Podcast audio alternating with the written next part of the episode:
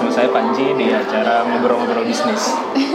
Ini nama acaranya ngobrol-ngobrol bisnis. gitu. Kalau di Spotify ngobrol bisnis. ngobrol bisnis. Hmm, masuknya ke segmen eh apa sih kalau di podcast Spotify itu kategori bisnis dan teknologi masuknya. Wow. Agak aneh sih soalnya eh, nggak nggak tahu ya memang mengkategorikannya kayak gitu. ya kali ini saya bersama dengan Alia ya. Iya, bisa panggil aku Alia. Hmm, Nama lengkapnya Eh, nama aku Renalia, tapi panggilnya Alia aja sih. Kemarin aku sama Mas Panji sama-sama diundang sama mentoring.id untuk kayak ngisi acara gitu. Hmm. Ya sebenarnya mentoring.id, aku juga timnya mentoring.id sih. Ha, jadi uh, cuman yang mengkoordinir uh, CEO-nya adalah si Maskor gitu. Aku lebih ke uh, co- co-founder juga lah. Cuman masalah posisi dia yang lebih di menentukan. ya, uh, apa Alia ini kerja kerja di bidang digital marketing ya. Aku di bidang digital marketing ya. Digital marketing di Avani. Avani. Nah, dan itu perusahaan perusahaan eh, apa ya perusahaan yang membuat kalau di Ba- di Bali itu udah udah banyak banget lah ya Di Bali Eh, eh, banyak. apa this is not plastic I'm not plastic. I'm not plastic, Kalau ya. ada yang pernah lihat Ah. eh, plastik yang bisa larut di air, I'm not Ah, plastic I'm not itu dari plastic. Avani. itu dari Avani dan dari produknya Avani ya salah Iya. satunya nah kemarin sebenarnya yang bikin aku tertarik itu adalah satu sih dari sisi yang diangkat kemarin kan masalah isu lingkungan banget ya kenapa sih eh, ya dirimu ya tertarik gabung di Avani dan juga kenapa karena mungkin visi misinya dan concern terhadap lingkungannya seperti apa sih memang Jadi tuh sebenarnya aku tuh awalnya tertarik sama Avani karena aku juga tertarik dengan isu-isu lingkungan gitu Mhm. dan aku juga bersyukur sih sekarang em, apa anak-anak muda Indonesia tuh sa- udah sangat eh, melek maksudnya eh, sangat sadar tentang isu lingkungan gitu. Nah berangkat dari situ aku sering nyari-nyari apa gitu-gitu kan akhirnya aku eh, join Avani gitu dan eh, aku belajar banyak sih dari Avani karena sebenarnya isu lingkungan tuh nggak cuman perkara plastik doang gitu. Jadi sebenarnya isu lingkungan tuh uh, luas banget sih. Itu yang aku pelajarin dari Avani dan kayak ya luas lah pokoknya. Gitu. Nggak cuma sekedar plastik atau kayak um, hewan atau kayak hutan kebakaran yang lagi hits di Amazon gitu. Kayak nggak cuma itu aja sih. Banyak banget sih. Iya. Dan ngambil concernnya ke plastik karena memang itu salah satu kan kalau kemarin eh, aku lihat presentasimu kan eh, termasuk yang bahan yang sulit hancur gitu ya di alam butuh berapa berapa butuh berapa 100 tahun. ratus tahun lah kayak gitu kan. Terus juga eh, ya menimbulkan banyak banyak masalah lah si sampah plastik ini Iya. gitu. Bahkan kan kemarin juga beberapa bulan yang lalu ya sempat ya di Bali apa di NTB ya yang ada paus. Oh iya. Itu ya? Hmm, itu di NTB di NTB ya di pokoknya di Indonesia Timur mungkin ya. Ha. itu kan miris banget ya Iya. miris banget kayak gitu. Dan bedanya Avani ini apa nih? Berarti dia membuat plastik yang bukan dari plastik gitu I'm not Jadi plastic sebenarnya kita kan jadi itu awalnya kita ngelihat ya kalau misalkan eh, apa reduce, reuse, recycle gitu. Itu kan eh, tiga-tiganya kayak hal yang udah sering banget kita dengar kan pasti reduce, reuse, recycle. Ya cuman kayak untuk kita aplikasi terhadap kehidupan kita tuh emang masih agak susah gitu. Nah, ngelihat dari gap inilah Avani kayak kemudian em, apa ya bikin namanya replace gitu jadi eh, kalian tetap bisa bertanggung jawab terhadap eh, terhadap lingkungan tanpa harus merubah kebiasaan atau pola hidup kalian kayak se- secara keseluruhan gitu. Kayak misalkan kalian tetap bisa pakai kantong plastik tapi eh, kantong plastiknya itu dirubah dengan eh, bahan yang lain. bahan yang lain yang lebih ramah lingkungan atau kayak tetap bisa pakai ya semacam styrofoam gitu cuman yang lebih ramah lingkungan kayak gitu sih Nah, dan yang diisi nah, dan spesifiknya kemarin nge- ngeganti apa bahannya dari singkong ya eh, kita ada eh, produk-produk kita sih semuanya itu plant based ya jadi di, di eh, dibuat dari bahan-bahan organik Hmm. dan bahan-bahan nabati yang kayak mudah diperbarui kayak gitu. Hmm, iya, iya, itu menarik sih. Waktu itu juga tahu apa ini deh gara-gara videonya viral sebetulnya video video ngaduk-ngaduk plastik eh, kecampur ke air gitu kan Eh, terus langsung diminum sama di videonya tersebut. Oke, ini sekalian nih aku mau klarifikasi. Jadi eh, kantong plastik itu sebenarnya eh, bukan kantong plastik ya Eh, kantong belanja itu Kantong belanja Avani kantong ya. belanja Avani atau kantong belanja singkong itu sebenarnya nggak bisa diminum Nah, tapi eh, itu eh, tidak untuk diminum. tidak untuk Iya. diminum, tetapi itu hanya menunjukkan kalau misalkan nggak sengaja eh, terbuang ke lautan, abis itu nggak sengaja termakan oleh hewan atau kayak makhluk hidup lainnya, itu nggak menimbulkan bahaya gitu. Bahaya. Cuman emang nggak pernah didaftarin eh, untuk BP POM gitu ya. Nah, itu itu nggak pernah jadi saya tak mohon jangan diminum. Iya jadi oh, iya kemarin kayak kamu sempat bilang kan bahwa jadinya adalah kampanye. Jadi kesannya oh ini kantong plastik yang bisa dimakan Iya. gitu ya. Nah, kayak gitu jadi kayak sebenarnya sama aja kayak minyak Eh, Mas Manji pernah Minyak. kayak dulu tuh zaman zamannya iklan minyak yang kayak bisa diminum iklan minyak Ah, iya, iya, itu iya, ada iya, kan iya, nah iya. itu sebenarnya sama aja kayak gitu kayak minyak dimin- bisa diminum tapi kayak sebenarnya nggak untuk diminum Iya iya iya. Jadi eh, dan itu eh, backfire juga ya Iya, kadang-kadang ya. ah, Oh, backfire iya. sih itu Nah, kan kan dirimu ngerjain digital marketing ya di di Avani gitu. Dan memang kuliahnya juga terkait dengan hal tersebut ya advertising dan digital digital marketing juga lah. Itu kan isu kayak kemarin kan salah satu obrolan kita adalah segala sesuatu yang udah masuk ke internet tuh ya udah jadi Iya. milik publik banget kan. Itu kita ambil kasus itu ada dampak negatifnya nggak sih buat Avani tuh? jadi sebenarnya eh, se- ya makanya Perspektif kita- kamu aja sih Uh, sebenarnya. kita harus kayak hati-hati juga ya sebagai masyarakat millennials nih gitu Hmm. karena kita semua apa-apa internet apa-apa internet apa-apa internet Hmm. jadi kita harus hati-hati juga kayak apa yang kita upload di internet gitu itu kayak akan selamanya di sana walaupun kayak udah coba dihapus apa pasti bakalan ada orang yang udah simpen itu atau Hmm. gimana jadi kayak emang gak bakal bisa dibalikin lagi gitu sih jadi tapi kalau misalkan dari sisi Avani sendiri sebenarnya itu ngebantu banyak untuk Avani Positif ya. Uh, ada sisi positif ada negatifnya. Yang negatifnya mungkin um, jadi ada yang um, mislead gitu.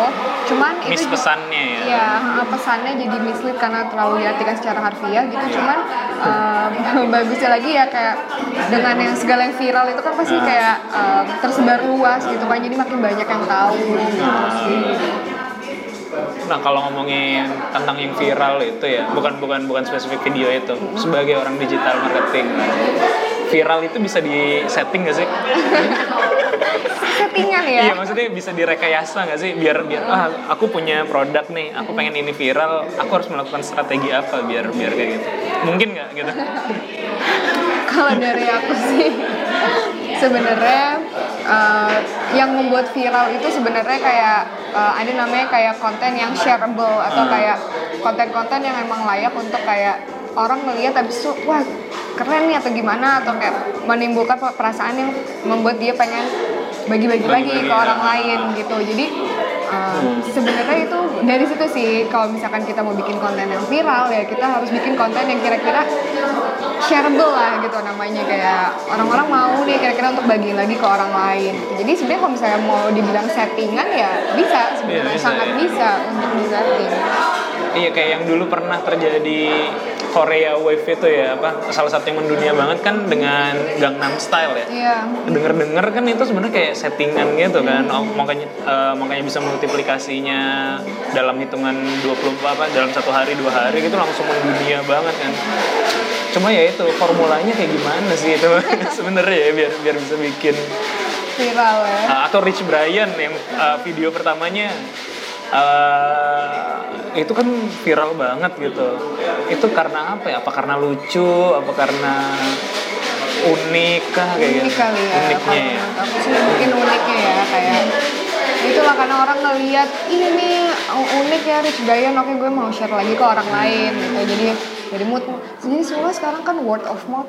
Iya iya iya. Nah, ya. justru malah kebanyakan uh, sales terjadi gara-gara itu ya. Hmm, word of mouth. Jadi sekarang word of mouth tuh menurut aku em, salah satu strategi marketing yang harus diperhitungkan sih. Di Avani juga terjadi kayak gitu tuh. Uh, kebanyakan uh, referral Iya. kayak gitu gitu ya. Kalau uh, kesadaran kamu terhadap lingkungan itu sendiri gimana sih? Menjiwa dijiwai nggak sih? Atau tadi ya hanya melihat peluang bisnis aja sebenarnya jadi sebenarnya gimana ya sebenarnya aku gak peduli soal lingkungan. Serius? Jadi kita semua harus peduli ya tentang soal berarti gue lingkungan. cut di situ aja. Gue cut di situ. Jadi jadi aku tuh sebenarnya eh, awalnya tahu juga lingkungan tuh kayak cuman eh, paling isu plastik lah yang banyak digaungkan sekarang kan isu plastik jangan buang sampah sembarangan Iya, atau apa kayak eh, ini ya sedotan iya ini di sedotan juga. udah mulai udah aluminium ya Mm-mm, animal welfare Hmm. apa gitu kan nah uh, cuman semenjak aku kerja di bidang uh, yang bersangkutan dengan lingkungan gitu pikiran aku sangat terbuka banget sih tentang lingkungan itu jadi sebenarnya uh, kalau kita peduli dengan lingkungan tuh nggak semata-mata kayak kita dengan kita kayak nolak plastik gitu Hmm. jadi kayak kita bisa jadi kalau misalnya kita ngomongin sustainable lifestyle gitu ya kayak kehidupan berkelanjutan itu nggak cuman serta merta kayak nolak plastik atau apa gitu. Nggak cuman kayak misalkan jadi vegan gitu kalian eh, juga eh, apa peduli terhadap lingkungan gitu. Maksudnya itu juga salah satunya cuman harus ditarik lagi kalau misalkan kayak ada yang namanya waste footprint waste food waste footprint gitu. Print, nah, Uh, jejak ini, jejak, ah, oke. jejak uh, ininya. Kayak misalkan kalau misalkan kita uh, oke sekarang yang lagi ini apa sih kayak uh, makanan-makanan vegan gitu kayak quinoa Hmm, iya, atau iya. apa gitu-gitu kan. Itu mungkin plant based itu bagus. Tapi kayak untuk memperoleh quinoanya itu kita gimana? Kita harus import Hmm, dari luar. Iya, iya. nah dengan kita import dari luar ada bensin yang harus dikeluarkan, Oh. ada apa gitu Bahkan Karena sampai segitunya ya bensinnya sebenarnya? itu kan juga termasuk ke dalam uh, waste footprint kita gitu untuk memperoleh itu gitu Oh. Wow. itu rumit banget ya berarti maksudnya Mm, jadi multiplikasi ke belakang apa Iya, banyak banget ini jadi memang harus ditarik lebih jauh jadi sih. bukan bukan cuman kita oh gue udah nggak makan eh atau gue udah nggak pakai plastik gue Iya. udah di rumah kalau belanja pakai goodie bag nggak nggak hanya kayak gitu. Ya itu bagus ya itu tahap awal doang ya baru ya. Uh, ya makanya aku bilang kayak sebenarnya sustainable lifestyle tuh nggak cuma sekadar dari plastik ya tapi kita bisa aplikasikan ke banyak banget Hmm. gitu. Sebenarnya menurut aku yang paling uh, apa ya langkah paling mudah untuk uh, mendukung sustainable lifestyle by going local sih hmm.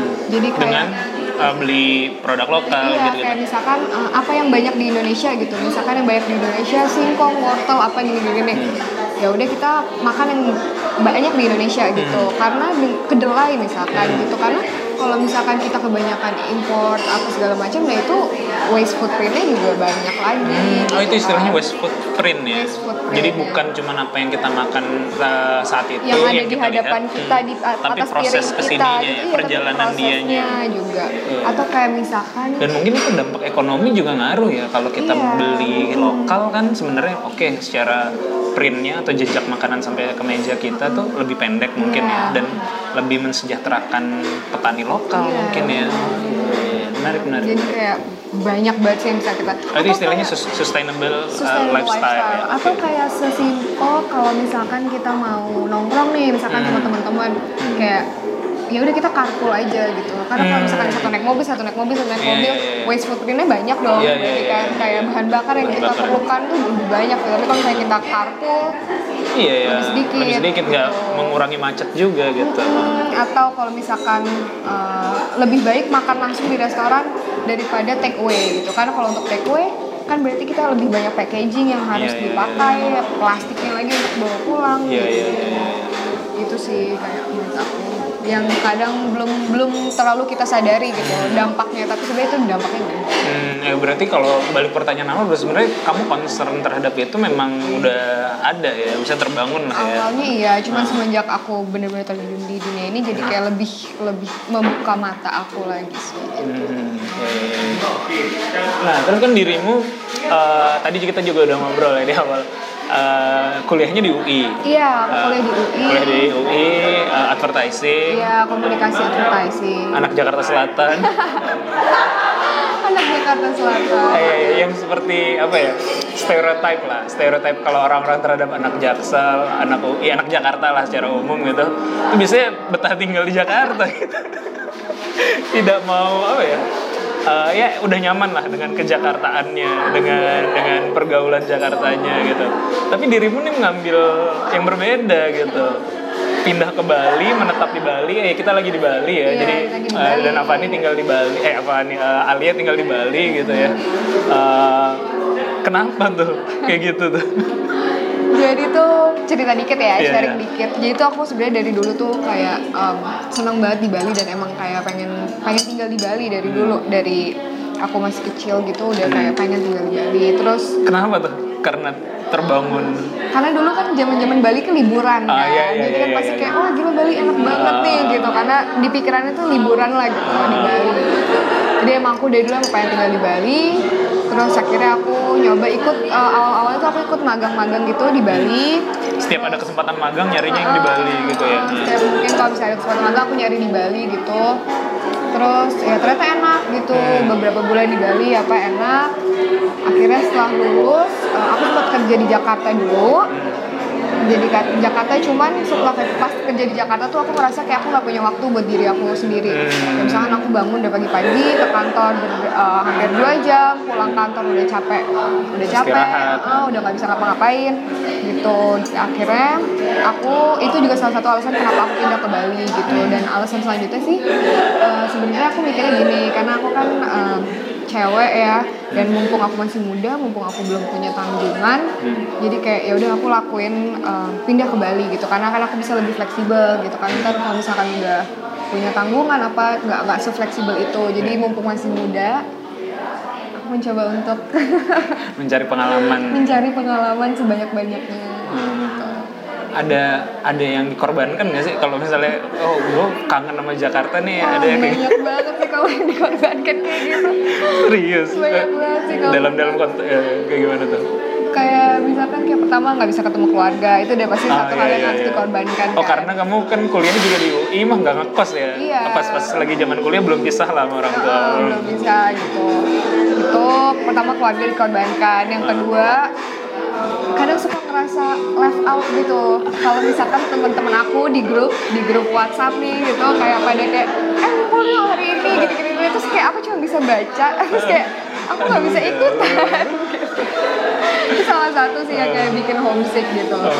Menurut aku se Bali adalah apa ya salah satu impian aku ya untuk bisa tinggal di Bali gitu. Cuman sekarang setelah tinggal di Bali aku juga jadi ngerasain kayak em, gimana enaknya tinggal di Jakarta yang dulunya aku rasanya tuh ngeluh tentang Jakarta ternyata kayak kangen juga tinggal di Jakarta. Dan emang seenak-enaknya Bali ya em, namanya memulai hidup di tempat yang baru ya pasti nggak semudah itu sih karena kan harus nyari teman baru apa Oh, apa iya, semua iya. baru gitu dan semua sendiri gitu itu sih. Ya ya ya, iya, mungkin itu ya tantangan terbesar tantangan terbesarnya itu kayak memulai hidup baru di lingkungan daerah baru. Hmm, tapi kan sebenarnya dari zaman zaman internship udah beberapa kali ke sini ya. Hmm. Walaupun belum terjalin ya belum benar-benar pindah lah ibaratnya ya kayak gitu ya. Benar sih. Tapi itu nilai yang wa- apa ya? Pengorbanan itu atau bukan pengorbanan ya sesuatu yang ditinggalkan itu worth it lah untuk untuk mendapatkan experience ini menurutmu. Uh, menurut aku sih untuk sementara ini worth it karena Hmm. kayak ya balik lagi mumpung aku muda aku harus keluar dari comfort zone aku Ya, ya, ya, ya. dan kayak nyari uh, pengalaman baru gitu kalau misalkan aku sekarang nggak di Bali aku juga mungkin nggak ketemu sama Mas Panji sekarang Iya iya iya. Gitu, jadi kayak pasti selalu ada teman-teman baru gitu jadi kayak ada maksud lah pasti Iya. sesuatu. Kamu berarti kan kelahiran 9 berapa? 90-an 90-an tidak mau disebut Tidak mau disebut. rahasia kelahiran 90-an eh, ya termasuk eh, generasi Y atau generasi Z lah ya atau milenial lah secara umum gitu ya banyak yang bilang bahwa milenial tuh nyarinya experience tidak tidak apa ya eh, tadi ya mungkin eh, hal-hal yang jadi pakem bagi generasi sebelumnya ditinggalkan. Misalnya ah nggak perlu lah kerja di corporate besar maunya mah kerja di startup yang lebih agile. Nggak mau lah eh, tinggal di kota besar maunya di pelosok. Tapi demi experience eh, hidup 1-2 tahun cukup lah biar biar dapat pengalaman hidup. Menurutmu gimana tuh kayak gitu? Dan kamu sendiri gimana? Tuh gimana ya? Menurut aku bener sih kadang karena kita nyari experience. Hmm. kalau um, menurut aku sendiri ya nyari experience itu penting gitu. Cuman balik lagi sih kadang tergantung apa yang kita kejar. Hmm, karena balik ba- lagi ke orangnya. Uh, uh, balik lagi ke orangnya apa yang mereka kejar. Kadang ada orang yang juga um, mungkin experience itu adalah uh, prioritas mereka keberapa. Mungkin prioritas pertamanya adalah mungkin untuk mencari uang. Iya. Eh, gitu. Terus habis itu mungkin ada juga yang kayak dia ingin benar-benar meniti karir gitu. Jadi dia mulai masuk ke corporate, Corporate. apa gitu-gitu. Jadi tergantung sama orangnya sih. Kalau kamu sendiri termasuk yang mana tuh? Tipe tipe yang sebenarnya aku tergantung eh, tipe orang yang apa ya tiba-tiba gelap gini iya tiba-tiba gelap gini menjalani hidup em, apa pun yang aku mau Hmm. aku jalanin dulu gitu jadi kayak aku nggak mau aku terlalu terbawa sama em, apa tuntutan hidup Hmm. tuntutan hidup kayak misalkan em, harus nyari uang banget Hmm. harus nyari apa gitu gitu Hmm. jadi kayak em, aku tahu apa yang aku mau gitu untuk sekarang ini Eh, aku tahu prioritas aku apa untuk sekarang ini ya karena prioritas orang kan bisa berubah ya Iya, iya, seiring betul, berjalannya betul. waktu gitu aku tahu prioritas aku selama eh, untuk saat ini apa jadi kayak ya udah aku jalanin tapi benar-benar harus emang harus dipikirkan gitu sih Hmm. gitu nggak cuma Eh, tapi bener itu misalnya kayak eh, apa ya ya tadi stereotype lagi sih stereotyping bahwa generasi generasi milenial tuh kayak lebih ke experience makanya nyari nyari company yang memang bisa ya balance life balance lah tidak tidak overwork tapi ada potensi pengembangan diri. Eh, ya hal-hal kayak gitu itu menurut kamu itu jadi hal yang concern bagi teman-teman bukan cuma kamu ya misalnya teman-teman di seangkatan kamu gitu Um, menurut aku um, itu ada benernya sih karena kan sekarang uh, dunia tuh udah kayak serba cepat Hmm. terus habis itu serba visual jadi kayak sekarang tuh yang lagi maju emang industri kreatif nggak Iya, sih iya. kayak lagi maju banget Oh, iya, gitu betul, betul. dan uh, ya nggak lagi kesuksesan atau kayak itu nggak lagi dihitung dari kayak materi materi atau kayak uh, prestige kerja di perusahaan mana gitu. Jadi sekarang bentuk kesuksesan tuh bisa bermacam-macam gitu. Makanya uh, sekarang mungkin jadi lebih bervariasi aja. Kalau misalkan dulu kan orang apa kayak kerja cari uang apa gitu. Kalau sekarang mungkin pekerja kerja kantoran mungkin ya dulu yang lebih Iya, iya, populer. iya. Kalau sekarang kan banyak kerja apa uh, Mobile pekerja- worker ya, Heeh, digital nomad mobile, tadi ya. digital nomad gitu-gitu. Jadi ba- makin banyak opportunity sih. Hmm. Jadi mungkin itu yang membuat milenial milenial sekarang kayak iya iya iya lebih mencari experience. Iya sih, Eh, ada beberapa temen ya apa, ada beberapa anak-anak baru juga masuk ke kantor itu mereka juga kayak apa ya, nggak terlalu nggak terlalu peduli. Misalnya oh ya gue keluar sekarang nggak apa-apa.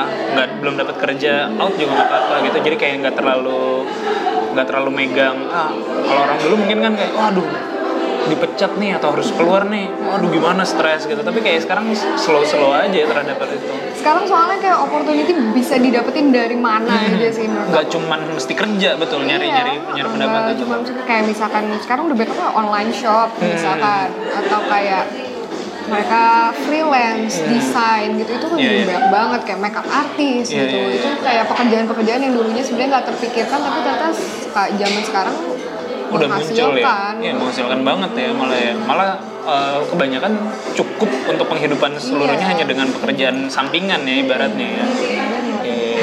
nah tadi kalau ngomongin masalah tadi ya bisa ada pekerjaan sampingan kamu tadi juga bilang ada ada akti activity lain lah selain yang di situ gitu ya selain yang di Avani. Itu ngapain sih? Eh, aku sebenarnya sekarang ini aku masih kayak eh, bantu-bantuin temen aku. Jadi dulu aku tuh pernah kerja di eh, semacam film manajemen gitu. Jadi aku bikin eh, konten marketing bikin suatu konten buat si villa ini. Karena banyak villa-villa di Bali yang eh, dia ini mereka punya villa mereka punya uang untuk bikin villa tapi mereka nggak tahu gimana cara masarinnya. Gitu. Jadi aku em, lihat gap di situ akhirnya uh, aku jo- uh, join gitu. Kayak pernah uh, kerja bantu di situ untuk kayak bikin konten untuk mereka. Kayak uh, gimana masarin villanya mereka terus kayak gimana bikin konten atau ngefoto villanya mereka menjadi lebih menarik gitu sih. Jadi kayak it's all about content gak sih mas Iya, Panji iya, iya. sekarang betul ini ya ya betul. kan? Iya. Dan dapat juru apa kepake banget ilmu di kampusnya berarti Iya, ya. Advertising ya itu memang emang ini memang tadinya ngebayangin kayak gitu atau? Enggak sih jadi waktu aku SMA tuh aku mikir kayak pengen jurusan apa ya yang kayak nggak banyak ngitung terus kayak dulu di SMA-nya ini IPA apa IPS IPS IPS, oh. kebetulan ya tapi biasanya kan mungkin ke akuntansi gitu ya tapi Iya, nggak mau ya uh, cuma aku kayak apa ya yang nggak baik yang yang kayaknya seneng-seneng aja Hmm. gitu pilihlah aku komunikasi Oh iya komunikasi ya maksudnya Heeh, advertising itu komunikasi. komunikasi. iya sih. Dan apa kalau ngomongin tadi ya apa namanya ya bisa hidup dari situ. Bali kan termasuk uh, kota yang memang anak mudanya satu kreatif. Yang kedua juga uh, kayaknya lihat tuh banyak yang memang pekerjaannya adalah freelancing ya, freelancing guide lah, freelancing apa penerjemah lah, apa segala Iya. macam. Yang mana itu nggak kita temukan di Jakarta mungkin ya. Uh, itu jadi jadi peluang sendiri juga ya di sini. banyak banget sih di Bali kayak apa kerja kreatifnya gitu ya ada niatan ini gak sih? Karena nyari ngincer di Balinya karena memang pengen ketemu banyak orang luar juga gitu. Kan ini kayak kayak Foreigners digital gitu. hub atau atau ya turis hub lah ya buat Indonesia gitu ya. Em, sebenarnya itu juga ada sih alasannya. Hmm. Eh, alasan itu juga menjadi salah satu alasan aku pindah ke Bali karena em, kadang ngobrol sama orang dari berbagai negara Hmm. itu juga ngasih insight-insight baru ke kita gitu kan. Jadi kayak misalkan ada yang kayak digital nomad digital nomad gitu mereka Hmm. kadang kalau ngobrol kayak mereka kerjaannya apa gitu dan bisa kita aplikasikan lagi kayak kita ngelihat celahnya juga ada nih oh iya celahnya juga ada nih di Indonesia kayak gini ya. Jadi banyak banget sih insight tuh kayak sebenarnya kadang insight tuh dapat kayak dari kita ngobrol-ngobrol biasa iya, iya betul. gitu kan. Justru malah dari situ kebanyakan kan. Hmm. nah kalau buat teman-teman yang baru mau lulus lah. Kamu ngasih rekomendasi apa nih? Apakah ngajak tinggal di Bali kalau kalian. Atau enggak sebagai orang Jakarta yang pindah ke Bali betah di Bali gitu. Enggak soalnya kan kayak bule banget ya. Kalau bule kan eh, orang-orang luar tuh eh, mereka memilih tinggal kebanyakan tinggal lama di Bali ya karena mungkin eh, bosen dengan lingkungan rumahnya ya. Ada salju lah musim dingin di Bali kan musim panas terus deket pantai. Nah, tapi dari tadi kamu nggak menyebutkan hal-hal yang sifatnya apa pleasure gitu sih leisure gitu ya. Jadi kamu ya lebih ke dalam gitu ngelihatnya. Nggak nggak bukan nyari pantai ini ke Bali bukan nyari apa gitu sebenarnya aku sih waktu pindah ke Bali kayak "Ih, enak nih bisa ke pantai tiap Eh, hari gini tapi surfing, iya eh. pas ternyata pas sudah tinggal di Bali kayak ke pantai juga nggak tiap hari. Kayak udah keburu capek gitu kadang cuman kayak kalau kalian uh, pesan aku ya untuk orang yang uh, Iya. untuk yang baru lulus kalau misalkan kalian punya kesempatan ambil aja gitu sekarang. Mumpung kalian belum uh, punya tanggungan masih sendiri jadi tanggung jawab masih diri sendiri gitu ambil aja sih menurut aku Iya karena nanti mungkin kalau sudah punya tanggungan pasti ada pikiran lain Iya, pasti ada gitu ya, pertimbangan-pertimbangan lain yang lebih berat lagi kayak misalkan menyangkut pasangan, lah Pasangan, atau apa gitu. Nggak perlu, nggak perlu. Oke, paling kayak gitu aja. ya. Ada lagi yang lagi kamu kamu semangatin kerja sekarang atau activity yang kira-kira uh, Iya, menarik? ya. uh, uh. Em, sekarang ini sih aku masih lagi apa ya mencoba belajar eh, untuk kayak influence orang sih Hmm. gitu. Jadi kalau misalkan kalian nih eh, yang dengerin kayak misalkan kita tuh kalau misalkan dibilang apa ya em, ngajarin orang gitu kan orang kadang nggak suka diajarin Iya, iya, ya betul, gitu. betul. Jadi kadang menurut aku sih aku banyak banget nerima ilmu dari ngobrol-ngobrol sama orang dan sharing ke orang Iya. gitu. Jadi kalau misalkan eh, kalian misalkan kalian dengar ini gitu eh, terus membuka pikiran kalian mudah-mudahan ya Hmm. bisa membuka pikiran kalian tentang lingkungan atau tentang apa gitu Hmm. kayak eh, bisa sharing sih ke Hmm. orang apalagi tentang lingkungan kan Oh, kalau Iya, iya, iya. Iya sih. Berarti itu ya terkait kamu terkait lingkungan dan ya intinya sih kita, kita jangan hanya mengajarkan tapi juga melakukan lah ya. Iya, kita sharing sharing aja gitu ya. Sip, sip, sip. Thank you ya. Thank you, Ah, Mas nanti ini lagi kalau misalnya ya sekian uh, ngobrol-ngobrol di sekali ini uh, bersama Alia. Nanti kamu ada IG nggak sih? Ada dong. Ada, ada pasti nanti aku taruh di bawah IG-nya. Oke, sekian semuanya. Oke, Assalamualaikum. bye.